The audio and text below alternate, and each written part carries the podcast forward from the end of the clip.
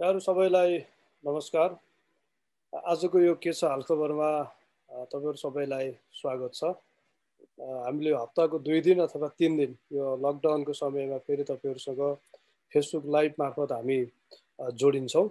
र आज हामी बेसिकल्ली अहिले यो कोभिड नाइन्टिनको समयमा हामीले देखेका कुराहरू अब्जर्भेसनको पार्टहरू र मोस्टली एउटा सिटिजनहरूको एक्साइटमेन्ट अथवा एउटा होप र होपलेसनेसको बारेमै हामी बढी कुरा गर्छौँ। अहिले धेरै इनिसिएसनहरू पनि भइरहेका छन् र सरकारको तहमा जुन खालको एउटा नालायकीपनको कुराहरू छ त्यसले सिटिजनको तहमा ल्याएको फ्रस्ट्रेसन एङ्गरको कुराहरू पनि हामी गर्ने नै छौँ।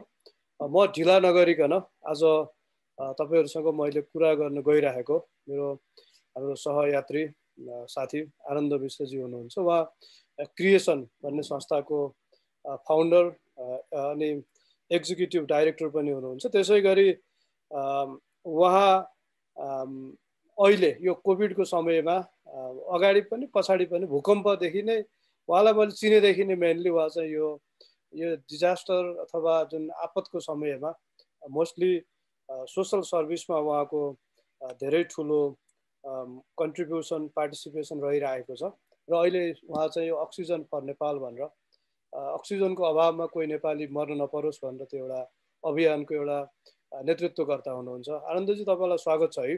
अनि अहिले के छ? अहिलेको सिचुएसन सबै ठिकठाकै छ नि पर्सनल्ली पर्सनली त अहिलेसम्म टचवुड ठिकै छ।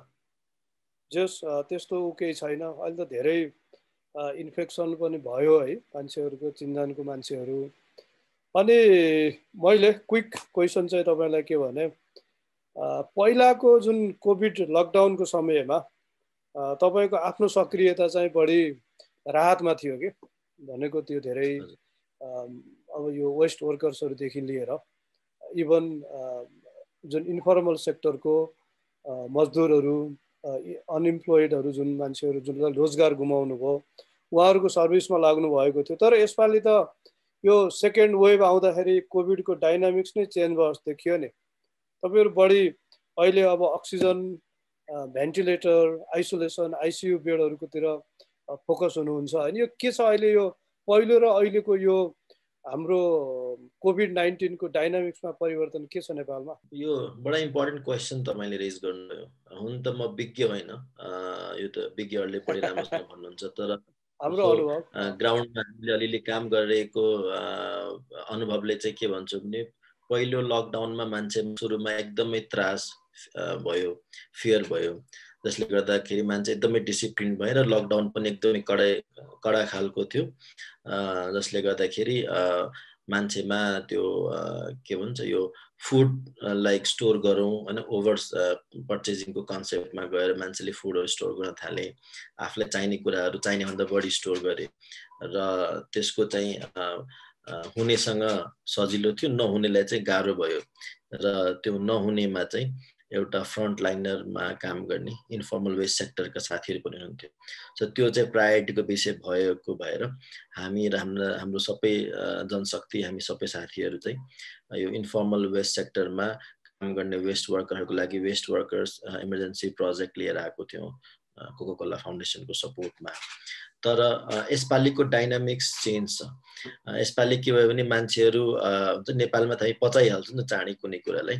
सो कोभिडलाई पनि अब त विश्वभरि हजारौँ लाखौँ मान्छे मरिराख्दाखेरि नेपालमा त्यसको जिरो पोइन्ट वान पर्सेन्ट पनि त्यसले असर गरेन। पहिलो लकडाउनदेखि अहिले हालसम्म। त्यसले गर्दा के भयो भने भाइरसलाई हामीले कति पचायो पचाएन थाहा भएन मलाई। तर हामीले चाहिँ कोरोना भने यस्तै हो भन्ने कुरा चाहिँ मजाले पचाइहाल्यो। अनि त्यस हामीमा हामीले मात्रै पचाएनौँ। जनता सँगसँगै सरकार राजनीतिक दल विभिन्न साथीहरू पेसाकर्मीहरूले पनि पचाए। कसैले ऱ्याली गरिरहेको थिए कसैले दरबार पार्कमा सभा सम्मेलन गरिरहेको थिए कसैले के गरिरहेको थिए फुटबल म्याच खेलिरहेको थिए क्रिकेट स्टेडियममा क्रिकेट चलिरहेको थियो यो जात्रा भइरहेको थियो होइन? सो यो सबै कुराले के गर्यो भने बर्डर खुल्ला भयो हाम्रो। यो सबमा चाहिँ युकेको स्ट्रेन भारत नेपाल प्रवेश गरेको कसैले पत्तै लगाउन सकेन। स्वास्थ्य मन्त्रालय सुतिरहेको थियो बेसिकली मेरो विचारमा। सबैजना आफ्नो सरकार भागभन्डा पार्लियामेन्ट डिजल्भ गर्ने रिओपन गर्ने यस्ता कुराहरूमा हामी बिजी भएर हाम्रो दुश्मन हाम्रो घरभित्र आइसक्दा पनि हामीलाई थाहा भएन कि। अनि बल्ल बल्ल हाम्रो आँखा खुल्यो। यसमा मेरो पनि गल्ती होला तपाईँको पनि होला। हामी सबैजनाको चाहिँ बराबर त्यसमा मिस्टेक छ यसपालिको। सो यस के भयो भने यो यति खतरनाक भेरिएन्ट छ कि स्प्रेड पनि एकदम चाँडै भइरहेछ होइन? हामीले सोचेको कल्पना गरेको भन्दा बढी स्प्रेड भइरहेछ होइन? एक। दोस्रो कुरा क्याजुअल मर्ने सङ्ख्या पनि त्यही अनुरूपमा एकदमै बढाएको छ। त्यो तपाईँले रिपोर्ट हेर्नुहुन्छ भने हाम्रो स्प्रेडिङ पर्सेन्टेज चाहिँ थर्टी फोर पोइन्ट फाइभभन्दा माथि छ। भनेपछि यो नम्बर वान छौँ हामी। यो कुरामा त हामी नम्बर वानै भइसक्यौँ। र भारतसँग प्रोपोर्सनमा अनुपात गर्ने हो भने पर डे हाम्रो चालिस पचासजना पचपन्नजना मरिरहेछ। यो पनि एकदमै डरलाग्दो कुरा हो। फार वेस्ट र काठमाडौँ ठुलो हटस्पट हो अहिले। अब भोलि पर्सि नेक्स्ट विकभित्रमा वीरगन्ज पनि हुने बेर छैन हटस्पट सो यो अवस्थामा ल्याउने जिम्मेवारी सरकार मात्र होइन जनताको पनि उत्तिकै छ। फिफ्टी फिफ्टी पर्सेन्टमा भन्छु। सिक्सटी फोर्टी होइन नि फिफ्टी फिफ्टी हामी पनि आँखामा पट्टी लाएर बाँध्यो। उहाँहरूको त झन् सजिलै थियो उहाँहरूलाई। यसले गर्दाखेरि यसपालिको प्रायोरिटी के छ भने प्रिभेन्सनमा त कामै छैन। मास्क लगाउँ यो गरौँ अब अभियसली गर्नै पर्छ। तर त्यो गरेर अब रोकिनेवाला छैन। अब भनेको मेडिकेसन हो। होइन? सो त्यतातिर चाहिँ त्यही भएर हामीले हामी जस्तो मान्छे जसले चाहिँ डिजास्टर आउँदाखेरि केही काम गरिरहेछ थुप्रै सहयोगी सङ्घ संस्थाहरू युवाहरू छ। उहाँहरूले हामीले गर्ने भने के हो? जनचेतनामूलक कार्यक्रम त गर्नै पर्छ। त्यो त जहाँ पनि हरेक अमेरिका जस्तो देशमा त मान्छेले मास्क लगाउँदैन पब्लिक सोसल डिस्टेन्स मेन्टेन गर्दैन भने हामी कहाँ त्यो धेरै डिसिप्लिन सोच्नु भनेको त सपना हो। सो त्यो अवेरनेस प्रिभेन्टिभ त छँदैछ। त अहिलेको प्रायोरिटी भनेको मेडिकेसन हो। किनभने यसपालिको भेरिएन्ट तपाईँले हेर्नुहुन्छ यो भेरिएन्टले चालि चालिस वर्षभन्दा मुनिकाहरूलाई समातिरहेछन्। दस वर्षभन्दा मुनिकालाई अफेक्ट गरिरहेछ। होइन अस्ति आजको त डेटा मसँग छैन। एक हप्ता अगाडिको डेटासम्म बाह्र कि तेह्रजना बच्चाहरूको पनि मृत्यु भइसकेको थियो। सो त्यो अनौठो नौलो कुरा हो नेपालको लागि। र अहिलेको डेथको नम्बर्स हेर्दाखेरि सबसे बेसी नम्बर चाहिँ युवाहरू मरेका छन् स्ट्रगल गरिरहेछन्। सो अहिले अनि त्यो त्यसबाट बचाउनको लागि हामीसँग औषधहरू चाहियो। सिलिन्डर चाहिन्छ अक्सिजन सिलिन्डर जुन जसको चाहिँ अहिले ठुलो सुनभन्दा नि महँगो भइसक्यो त्यो र डिमान्ड भइसक्यो। सो यो चाहिँ यसमा हामीले हेल्प गरेनौँ यसमा हामी इन्टरभिन गरेनौँ भने डेथको नम्बर अरू देश जस्तै बढ्ने भएको भएर हामीले चाहिँ हाम्रो प्रायोरिटी सिफ्ट गऱ्यौँ र यतातिर किनभने मान्छेलाई बचाउनु छ एट एनी कस्ट भनेर चाहिँ हामीले अक्सिजन फोर नेपाल भनेर क्याम्पेन अगाडि लिएर आएको छौँ। अहिले अहिले हस्पिटलहरूमा के? यो बिरामीहरूको चाप र अक्सिजनको जुन डिमान्ड छ नि त्यो सप्लाई र डिमान्डको बिचमा ग्याप कतिको ठुलो भइसकेको छ? एकदमै ठुलो भइसकेको छ। धेरै नै ठुलो छ। किनभने काठमाडौँको पपुलेसन धेरै छ होइन? हाम्रो एरिया छ एरियाको दाँजोमा चाहिँ जनसङ्ख्या धेरै छ यहाँनिर। र यो सरकारसँगको होप त छँदै छैन। हामी सबैको कसैको पनि होप छैन सरकारसँग।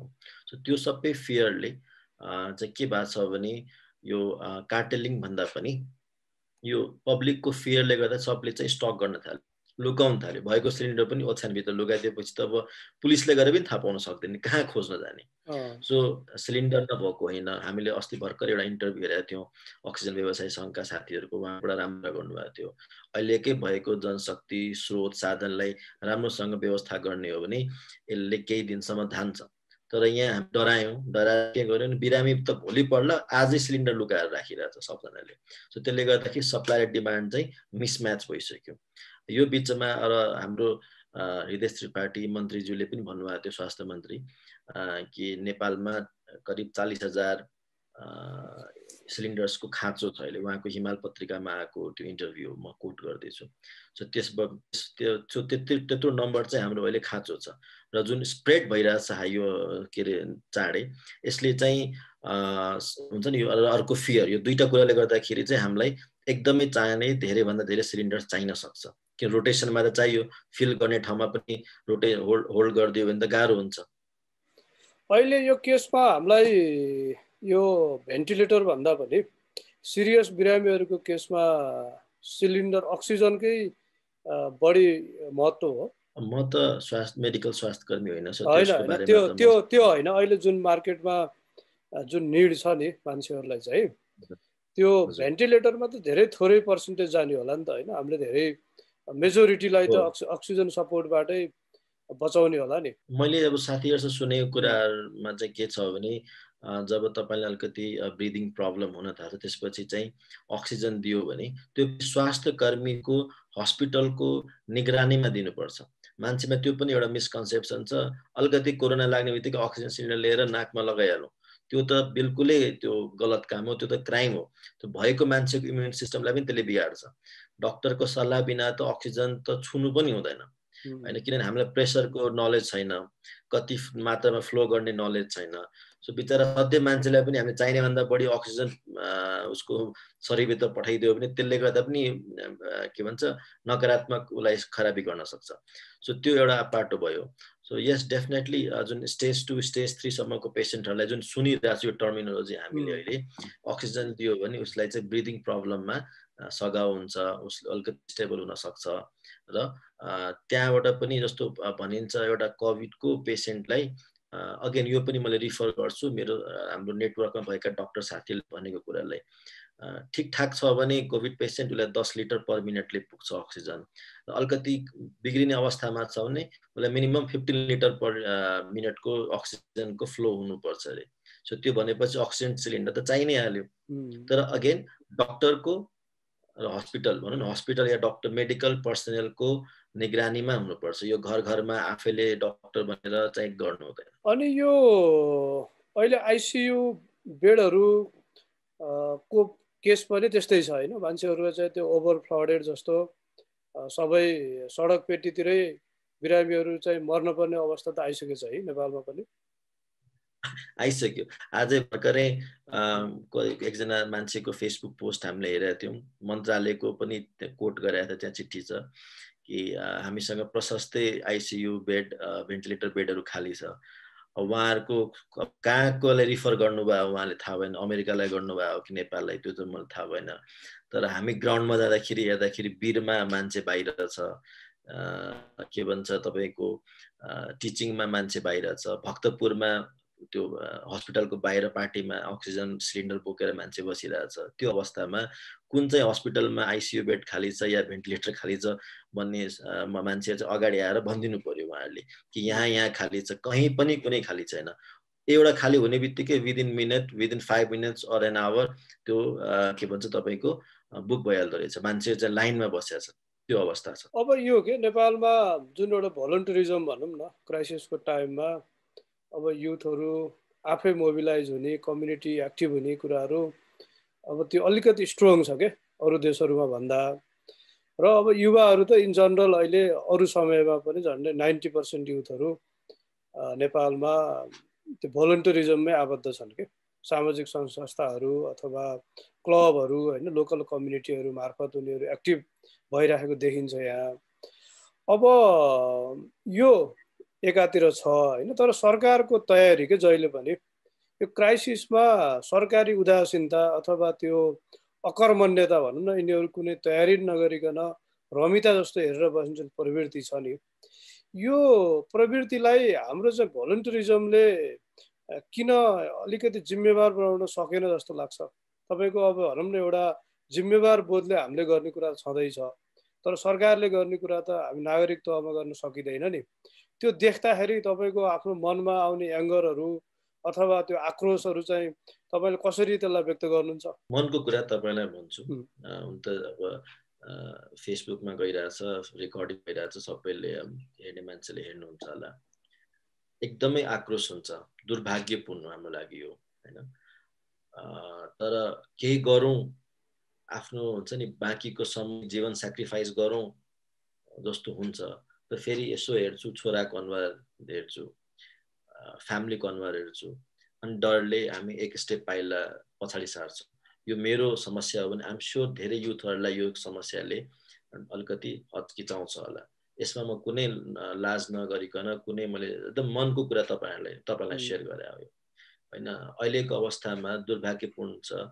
एउटा देश जब नेसनल हेल्थ क्राइसिसको बेलामा हाम्रो सरकारलाई यति पनि एउटा के भन्छ भनौँ न बौद्धिक त्यो छैन त्यो एउटा भनौँ न सोच कि यसलाई अहिले हेल्थ क्राइसिस राष्ट्रिय आपदा भनेर घोषित गरौँ र सबै यसलाई इमर्जेन्सीमा खटाउँ। कोही सरकार तोड्नमा लागिरहेछ कोही सरकार बनाउनमा लागिरहेछ कोही एमपीलाई किन्नमा लागिरहेछ। सो योभन्दा त अभिशाप हाम्रो लागि के हुनसक्छ र? होइन? अहिले त सबै यो अब हामी भन्नलाई अघि तपाईँले मलाई सोध्नु भएको भएर मेरो विचार व्यक्त मात्र गर्दैछु यो। हामी भन्छौँ नेपालको पचपन्न प्रतिशत पपुलेसन युथ हो। कहाँ छ त्यो युथ? जो छ त्यो तपाईँ म जस्तो मान्छे म चाहिँ एटलिस्ट इन्सेक्योर भएर बसेको छु। किन मैले के फाइट गरौँ? म सडकमा गएर आन्दोलन गर्नु who will take care of my मेरो बच्चा मेरो परिवारलाई कसले हेरचाह गर्छ? त्यो एउटा कुराले गर्दा चाहिँ हामी डराउँछौँ। त्यस अनि त्यसको चाहिँ सेफ बाटो के हो भने गिल्टबाट निस्किनको लागि एटलिस्ट भलिन्टियरिजम भलिन्टियरिजम गरेर भलिन्टियरिङबाट यदि मैले दुई चारजनालाई सहयोग गर्न सक्यो भने एटलिस्ट त्यो गिल्ट चाहिँ कम हुन्छ। नभए खासमा त अहिले आन्दोलन गर्नु। अहिले त कम् कन्ट्रीलाई पुरा हल्टमा ल्याइदिने हो। मान्छे यहाँ मरिरहेछ अनि म चाहिँ एमपी किन्ने बेच्ने सरकार ढाल्नेमा लाग्यो योभन्दा योभन्दा घिनलाग्ने कुरा के हुनसक्छ एउटा मानिसको लागि? होइन आफ्नो यो त क्राइम अगेन्स्ट ह्युम्यानिटी हो। त्यही त होइन तपाईँ अब भनौँ न अब यो एउटा ठुलो समूह युवाहरूको एउटा कर्तव्य बोल्दै लागिरहेको छ कि? अब भनौँ न विदेशतिर बस्ने नेपालीहरू पनि मैले त्यो एकजना नेपाल अमेरिका मेडिकल एसोसिएसन नै होला है उहाँहरूले पनि त्यो एउटा फन्ड रेजिङदेखि लिएर इन्टरनेसनलले हार गुहार गरिराख्नु भएको छ कि? सानो सानो पैसाको लागि मागेर त्यो जुटाएर अनि त्यस पछाडि यहाँ नेपालमा केही गरौँ भन्ने छ होइन? र भित्रै पनि अब यही अब अक्सिजन फरलको कुरा भयो। अब अमेरिकासँग अब न भ्याक्सिन देऊ भनेर माग्ने एउटा इन्टरनेसनल अपिल गर्ने समूह पनि अब एक्टिभली उहाँहरू लगाइराख्नु भएको छ। होइन त्यो एउटा पार्ट अफ अनि कोभिड कनेक्ट भनेर सबै आई थिङ्क इट्स कनेक्टेड होइन? इन सम वे चाहिँ सबै एउटा ग्रुप छ यता हन्ड्रेड ग्रुप छ यता सानो प्रयास छ सबै लगाइराख्नु भएको छ। तर यहाँ कस्तो भयो भन्दा एउटा भ्याक्सिनको केसमा जुन कमिसनको पैसा हो हामीले एक वर्षभरि हामी सबै मोबिलाइज भयो त्यति पैसा रेज गर्न सकिने रहन्छौँ क्या हामी लाखौँ मान्छे रात दिन चाहिँ सबै छोडेर लाग्दा पनि हामी त पचास करोड पनि पैसा त उठाउन सक्दैनौँ त्यो कामको लागि।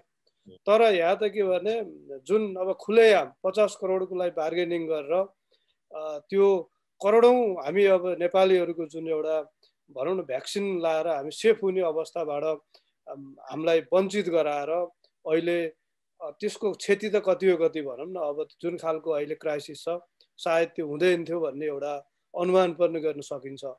यस्तो अवस्था क्रिएट गर्दाखेरि पनि यहाँ अब एक थरी युथहरू लगाइराखेका छन् एकदम बेनभोलेन्ट हिसाबले तर पोलिटिकल्ली त बोल्ने त कोही पनि रहन्छन् नि त।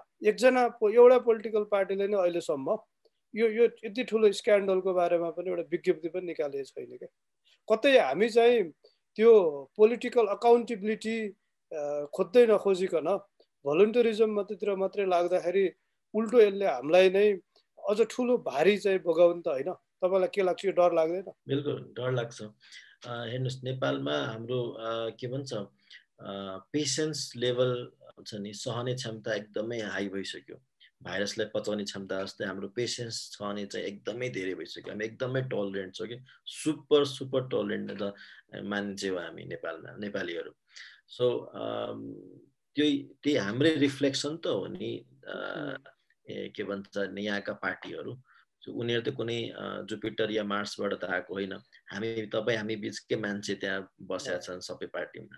यदि तपाईँ हामी आम जनता नै खराब छ आम जनताकै टोलरेसन टोलरेन्स लेभल हाई छ भने उनीहरूले त हाम्रो एक्सप्लोइटेसन त गरिहाल्छ नि। So that is the problem मेरो विचारमा मैले डायग्नोसिस गरेको अनि जब पोलिटिक्स पोलिटिकल हुन्छ नि अकाउन्टेबिलिटी जुन देशमा माइनसमा छ होइन त्यहाँ चाहिँ तपाईँले इन्डस्ट्रियलिस्टहरूसँग बिजनेस ग्रुपहरूसँग या कोहीसँग पनि इभन जनतासँग पनि अकाउन्टेबिलिटी कसरी खोज्नुहुन्छ?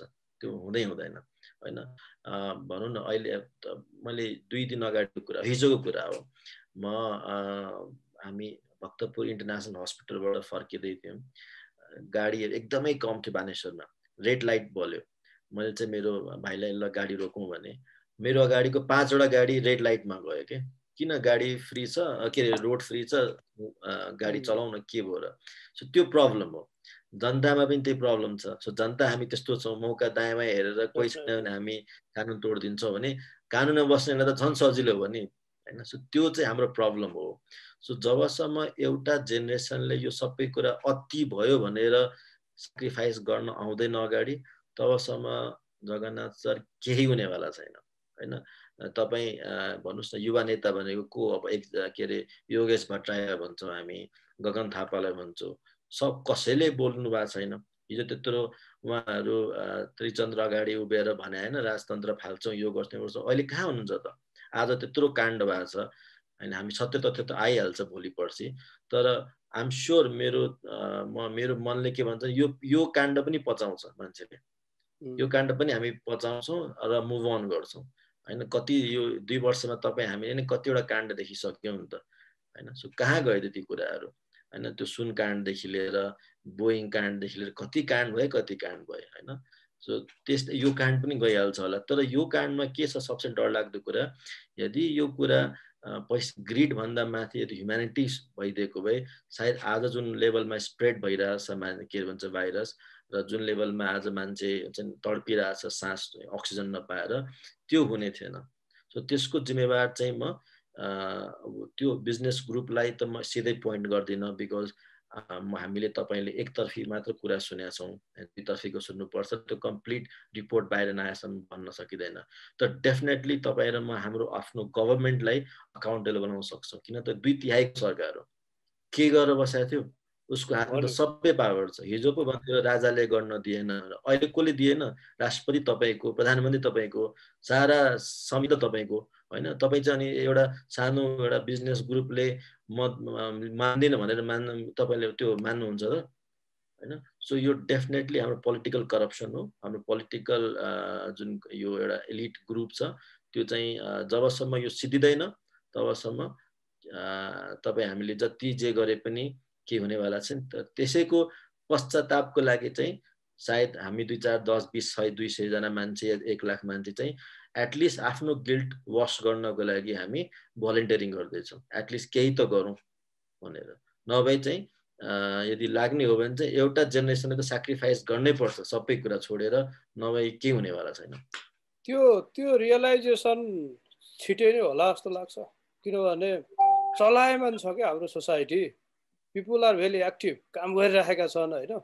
तर हामी युनाइटेडली यो यो ठुलो खालको पोलिटिकल करप्सन पोलिटिकल जुन एउटा खालको गहिरो जिम्मेवारीपन छ नेतृत्वमा बसेर जुन मनपरी गर्ने प्रवृत्ति छ यसको विरुद्ध चाहिँ बोल्न सक्ने सङ्गठित ग्रुपै हुन सकिएन कि अझै पनि। सो हो पोलिटिकल करप्सन भन्दा पनि मलाई के लाग्छ भने ढङ्गै छैन। बुझेकै छैन। इनकम्पिटेन्सी हो। कम्पिटेन्सीको ठुलो समस्या छ। बुझ्दै छैन कि म कति अब सुनको डल्लामाथि बस्नु भएको छ तपाईँ। एन्ड देन युआर सेङ कि मसँग के भन्छ दसवटा ढुङ्गा छ ला एउटा कहाँ गयो ढुङ्गाको गुटी खोज्नुहुन्छ भनेपछि त्यो त्यो लेभलको हाम्रो इन्कम्पिटेन्सी छ। होइन? लबी भने के हो? भ्याक्सिनको लागि अहिले लबी गर्नुपर्ने छ भन्ने पनि पब्लिकले गएर बताउनु पर्छ हाम तपाईँ हामी जस्तो युवाहरूले गएर मन्त्रालयमा भन्नुपर्छ हजुर यहाँ चाहिँ यति भ्याक्सिन थन्किरहेछ तपाईँले एम्बेसडरलाई बोलाउनुहोस् उहाँहरूलाई यो कुरा जानकारी दिनुहोस् र उहाँहरूको थ्रु लबी गर्नुहोस्। ए हो र त्यसपछि थाहा हुन्छ उहाँहरूलाई। सो हाम्रो त इनकम्पिटेन्सीमा त हामी सायद पिएचडी गरिसक्यो हाम्रो इन्टायर पोलिटिकल एरिनाले होइन ग्रुपले। सो यो यसले गर्दाखेरि करप्सनको त म भन्न सक्दिनँ धेरै। अभियसली छन त छ त्यहाँनिर तर कुन स्केलमा छ I'm not the right person to say तर इनकम्पिटेन्सीमा त I can blindly write a paper about them कि उहाँहरू त पिएचडी गरिसक्नु भएको छ। मेबी डबल पिएचडी होला त्यो पनि गरिसक्नु भएको छ। सो त्यसले गर्दाखेरि पनि तपाईँ हामीलाई चाहिँ ठुलो समस्या भइरहेछ। अब के छ? यो तपाईँको आफ्नो एउटा लर्निङ के? जुन छ नि अब भूकम्पको टाइममा पनि एक्टिभली लाग्नुभयो। त्यो बेलामा पनि अब धेरै नै भनौँ न मोबिलाइज गरियो नि त रिसोर्सेसहरू त्यस पछाडि अब फ्लडको कुराहरू हुन्छ हरेक वर्ष कपडा बाँड्न जानुपर्ने हुन्छ। अनि यो साइकल चलिरहेकै छ होइन? र यसमा पोलिटिकल करेक्सन भएन भने त हामी त यसै गरी गरिकन यसो जिन्दगी सकिने भयो अनफोर्चुनेटली जगन्नाथजी तपाईँ यदि मसँग सही उत्तर खोज्नुहुन्छ र तपाईँको यो कार्यक्रम हेर्ने साथीहरूले यदि रिसाउनुहुन्न भने चाहिँ सत्य यही हो। यत्रो पेन्डेमिक हुँदा पनि यदि हामी चुप लागेर बस्छौँ किन फर्स्ट पेन्डेमिक पेन्डेमिकबाट हामी निस्किसक्यौँ मुभ वानमा आइसकेका थियौँ। एक हप्ता नै भयो हामी भित्र पसेको होइन?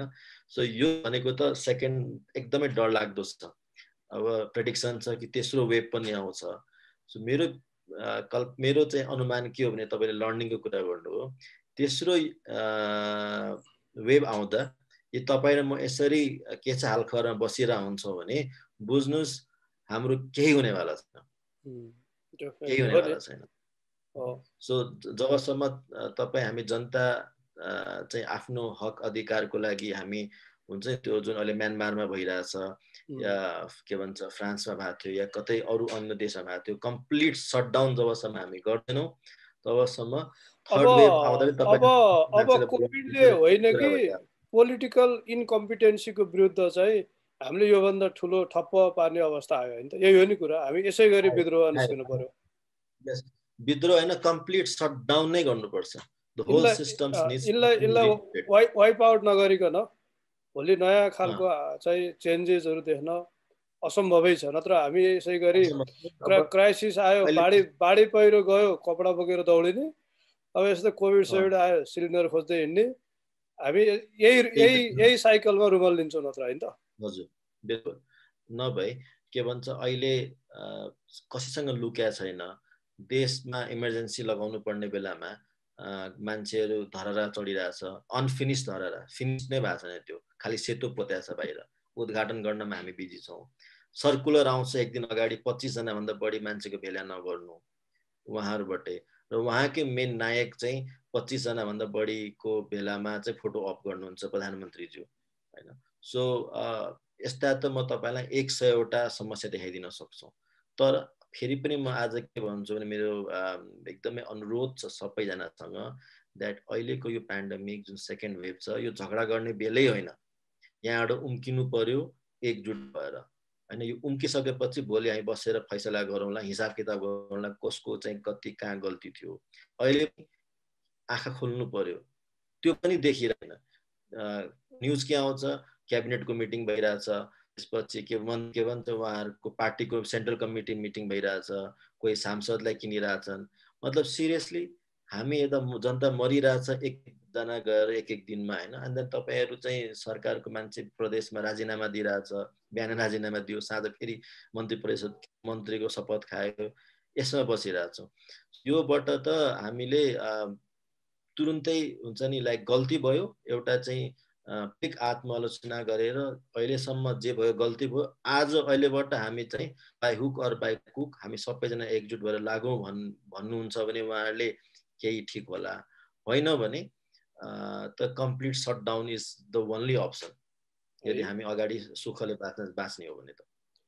अब अहिले अब मोस्टली किनभने सोसियल मिडियामा पनि अब एकातिर अक्सिजन आइसियु बेडहरू चाहियो भन्ने छ होइन? अर्कोतिर युथहरू त्यो त्यो डिमान्डलाई मिट गर्नलाई लगाइराख्नु भएको छ डिफ्रेन्ट प्लेटफर्महरू मार्फत होइन?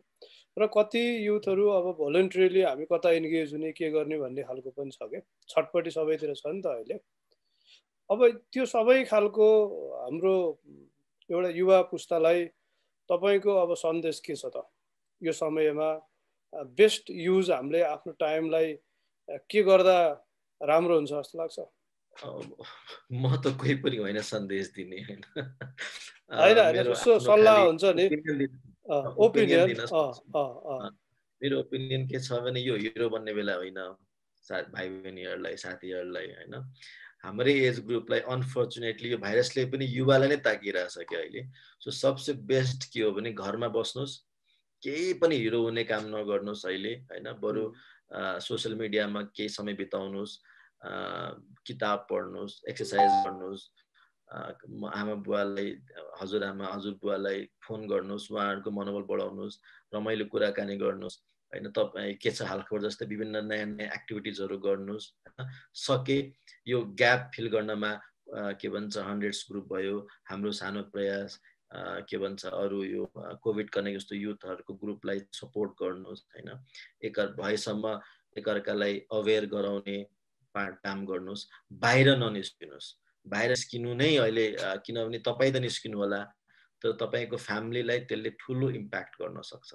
सो अहिलेको यो दुई तिन महिनाको समय के हो भने सकेसम्म घरमै बस्ने भर्चुअल भोलि भोलिन्टियरिङ गर्ने अनलाइन भोलिन्टियरिङ गर्ने पढ्ने खाने खुवाउने कुक गर्न सिक्ने प्लान्ट गर्न सिक्ने होइन ग्रो गर्ने यही गर्दाखेरि अहिले चाहिँ देशलाई ठुलो सेवा हुन्छ।